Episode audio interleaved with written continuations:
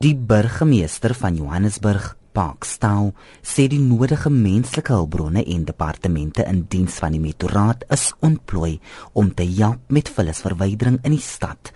Vullisverwydering in die stad word al byna 4 weke vertraag. To now establish a city-wide chalk that includes the other entities of the organization so that we're able to mobilize trucks and equipment from the other entities of the organization to actively participate in clearing the ongoing backlog that is there. We're also activating business and other members of the community to assist. So the JRA has brought amongst others the Find and Fix app Die Piketa bestuur dreig al vir weke lank met tigstappe teen stakende werkers en die proses het vandag amptelik begin.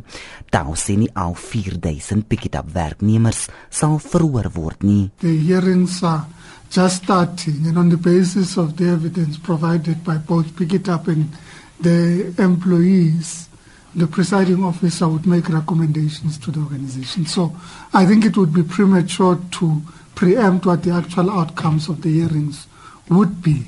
Daar sê dit moeilik om te bepaal wanneer die onwettige staking gaan eindig omdat daar nog geen formele onderhandelinge plaasvind nie. Informal discussions are taking place with send them correspondence last week which correspondence indicated our response to their set of demands. The first is there's a politically facilitated agreement.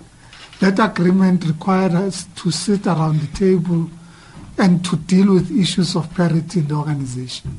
Samus at die jongstreek sekretaris in Gauteng, Paul Klabang, sê hulle hoop vol dat gesprekke tot 'n ooreenkoms kan lei, maar Klabang kon nie duidelikheid gee of hulle bereid is om formele onderhandelinge voort te sit nie. Friday when we were engaging, we could see as parties were not far apart in terms of you know finding that uh, common ground.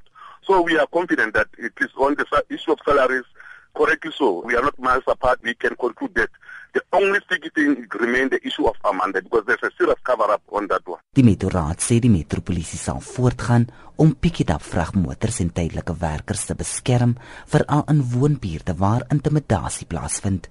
Jean Estreisen, SABC nuus.